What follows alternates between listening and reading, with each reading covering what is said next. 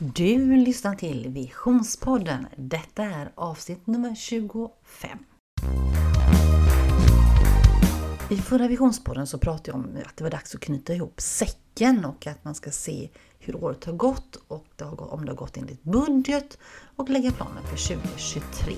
Men hur gör man då för att se hur sitt företag har gått? Och när man väl har gjort det, hur läser man av sista raden?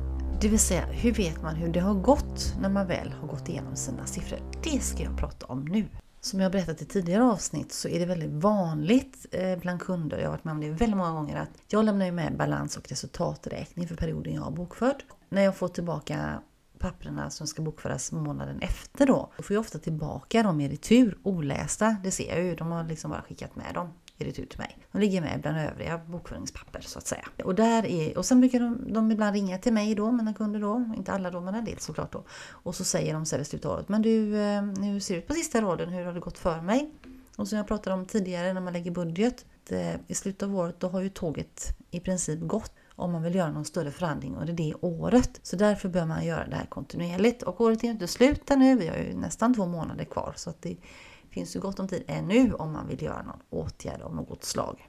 Varför det nu är så viktigt då att veta detta, det är det att eh, om man har aktiebolag till exempel så tror ju många att nu är ett aktiebolag, nu är allting frid och fröjd. Jag är inte personligt ansvarig för jag har lagt in mitt aktiekapital. Men det är ju som så här att förbrukar man mer än hälften av sitt aktiekapital så då börjar man närma sig den här lilla gränsen att eh, man behöver göra en kontrollbalansräkning. Men det kommer jag att komma tillbaka till. För först ska vi prata lite grann om hur vet man då hur man ska läsa av sina siffror. Låt oss säga att du har en redovisningsbyrå som hjälper dig då kan du ju be dem lägga upp det här för dig. Men oavsett så tycker jag det är väldigt, väldigt bra att du har grepp om det här själv. Alltså du behöver kanske inte kunna det praktiskt själv. Det kan du faktiskt be en byrå hjälpa dig med.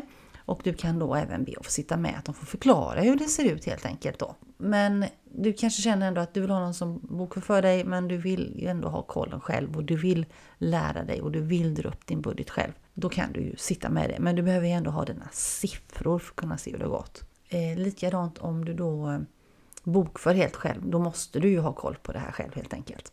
Vad du börjar med då, det är det att du bestämmer dig för en period, det är ju enklast då, som du ska stämma av som jag pratade om tidigare avsnitt. Vi säger då att vi tog då sista eh, september hade jag som förslag då.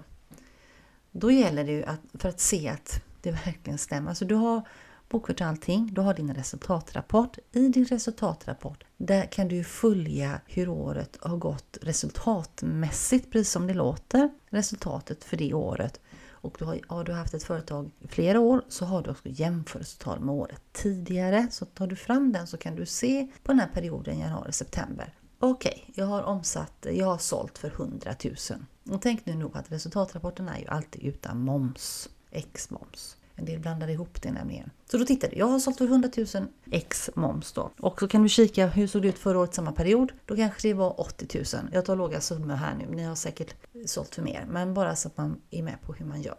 Då kanske man såg att nej, men det var 80 000 förra året samma period. Då har det alltså ökat med 20 000 i år. Eller så kanske det var 120 000 förra året. Då har det minskat med 20 000 i år. Så man kan liksom hålla koll på jämförelsetalen där. Och sen går man vidare och så tittar man på sina kostnader då. De är ju ofta spesade på olika sätt. Eh, och man har olika kontonummer för olika där. Så Försäljningskontona ligger på något som kallas för 3, lite överkurs här nu. Och varuinköp och liknande ligger oftast på, ett, på fyra konton övriga kostnader och sen har ni personalkostnader som ofta ligger på 7 konton. Vad som helst. Du hade då sålt för 100 000. Du har haft hyra för 20 000 och den är samma som tidigare år. Du har haft eh, övriga kostnader för 10 000 och så jobbar du dig neråt så här och du har haft eh, personalkostnader. Och så har du då vad som blir klar, kvar då längst ner, då är det plus eller minus där. Och då kanske vi säger att du har ett resultat på 10 000 kronor. Ja, då, då vet du att ja, men jag har en vinst här på 10 000. Men för att veta att det här verkligen stämmer då så måste det också stämma med din balansrapport. Där, där, har du liksom vad du har, vad liksom siffrorna är rätt upp och ner, men du måste också ha koll på din balansrapport.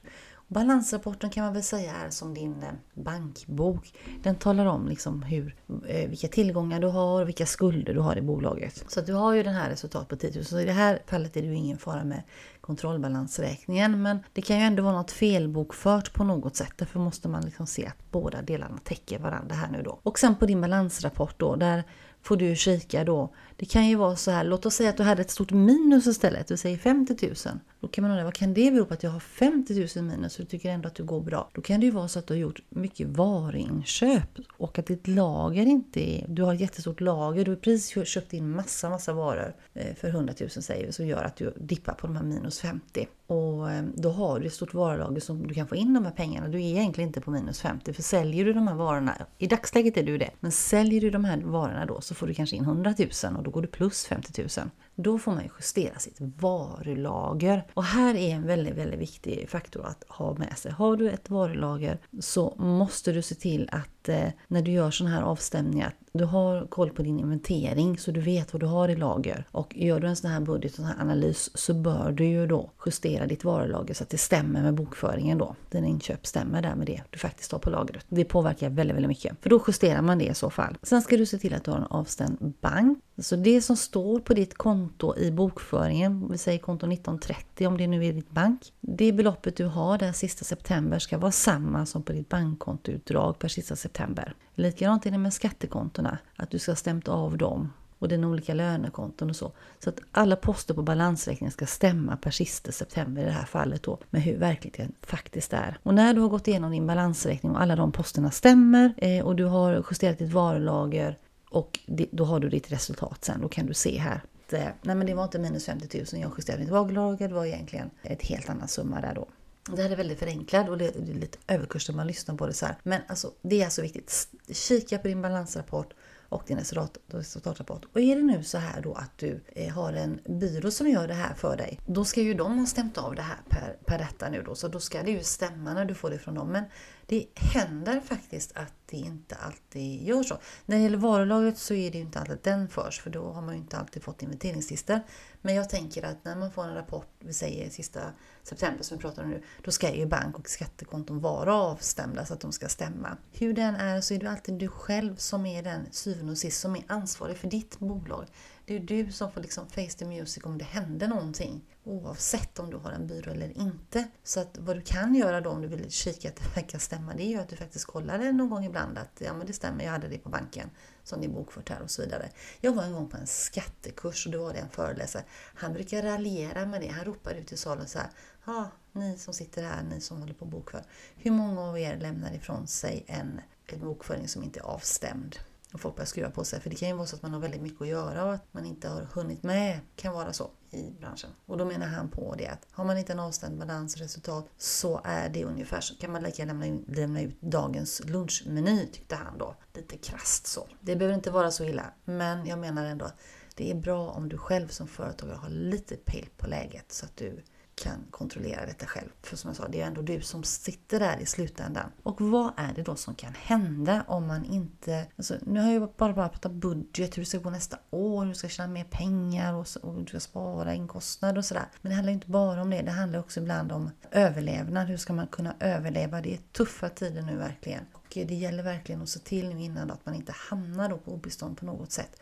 Har du då aktiebolag och tror att allting är safe bara för att du har ett aktiekapital så gäller det då att inte komma under den. För gör man det då, då kommer man den dagen man behöver kanske göra en kontrollbalansräkning. Och vad är nu det? Jo, när det finns en anledning att misstänka att det egna kapitalet är mindre än hälften av aktiebolagets registrerade aktiekapital, då måste en kontrollbalansräkning upprättas. I nästa visionspodd kommer jag att prata mer om det här med eget kapital och skatter. Man brukar tala om då att när det är på väg att förbrukas eller att det understryker den, den kritiska gränsen då som är halva aktiekapitalet så är det dags. Vad man kan göra är om man har, om man har pengar, vi tar det jätteförenklat just nu innan jag går vidare här. Du ser att eh, det har gått under kanske en du har 50 000 och du har förbrukat 45 000.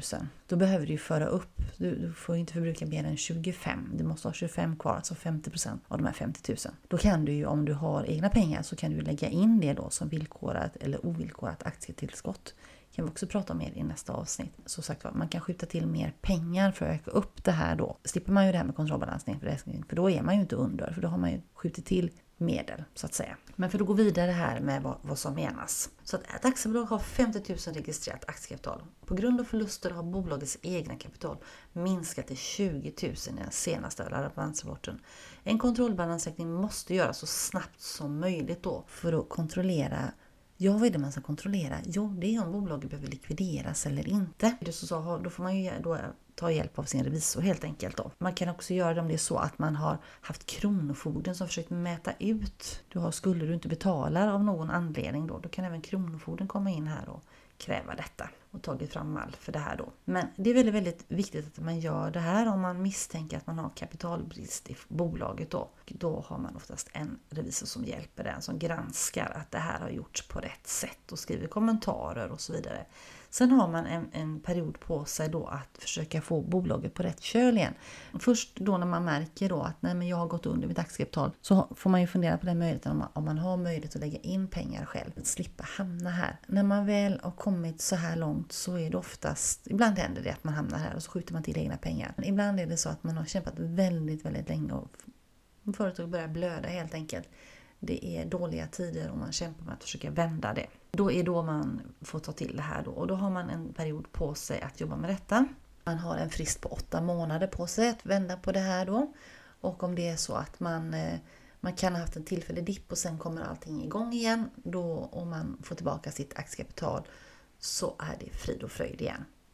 Det kan vara så att man tyvärr inte lyckas med det. Då får man bestämma sig hur man vill göra. Och detta är ju också då, det här är ju ett skydd för fordringsägare. Du kan ju ha eh, bankskulder du kan ha, och leverantörsskulder. För om de vill då ibland se, det är väldigt vanligt att de vill se ditt balansresultat. Och det är just för att se då hur kreditvärdig du är helt enkelt. För börjar du gå med förlust, då börjar du få svårt att betala dina räkningar.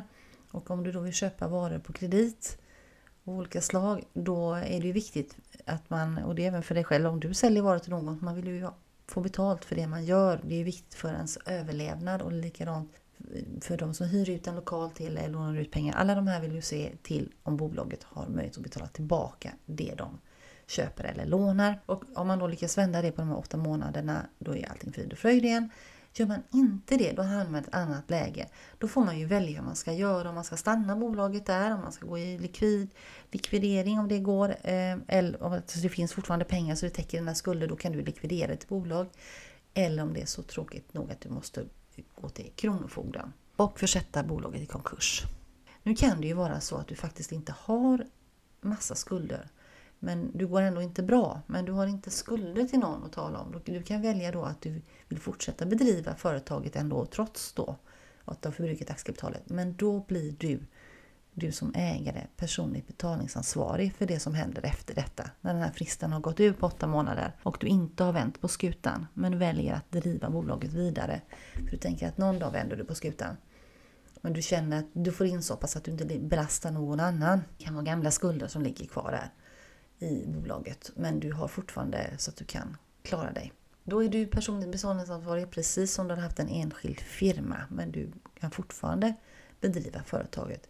Är det så att du också har gått under den här gränsen, du är personligt betalningsansvarig och du lite, hänger där lite på vattenytan eh, så kan du också fortsätta bedriva det trots att du har skulder då.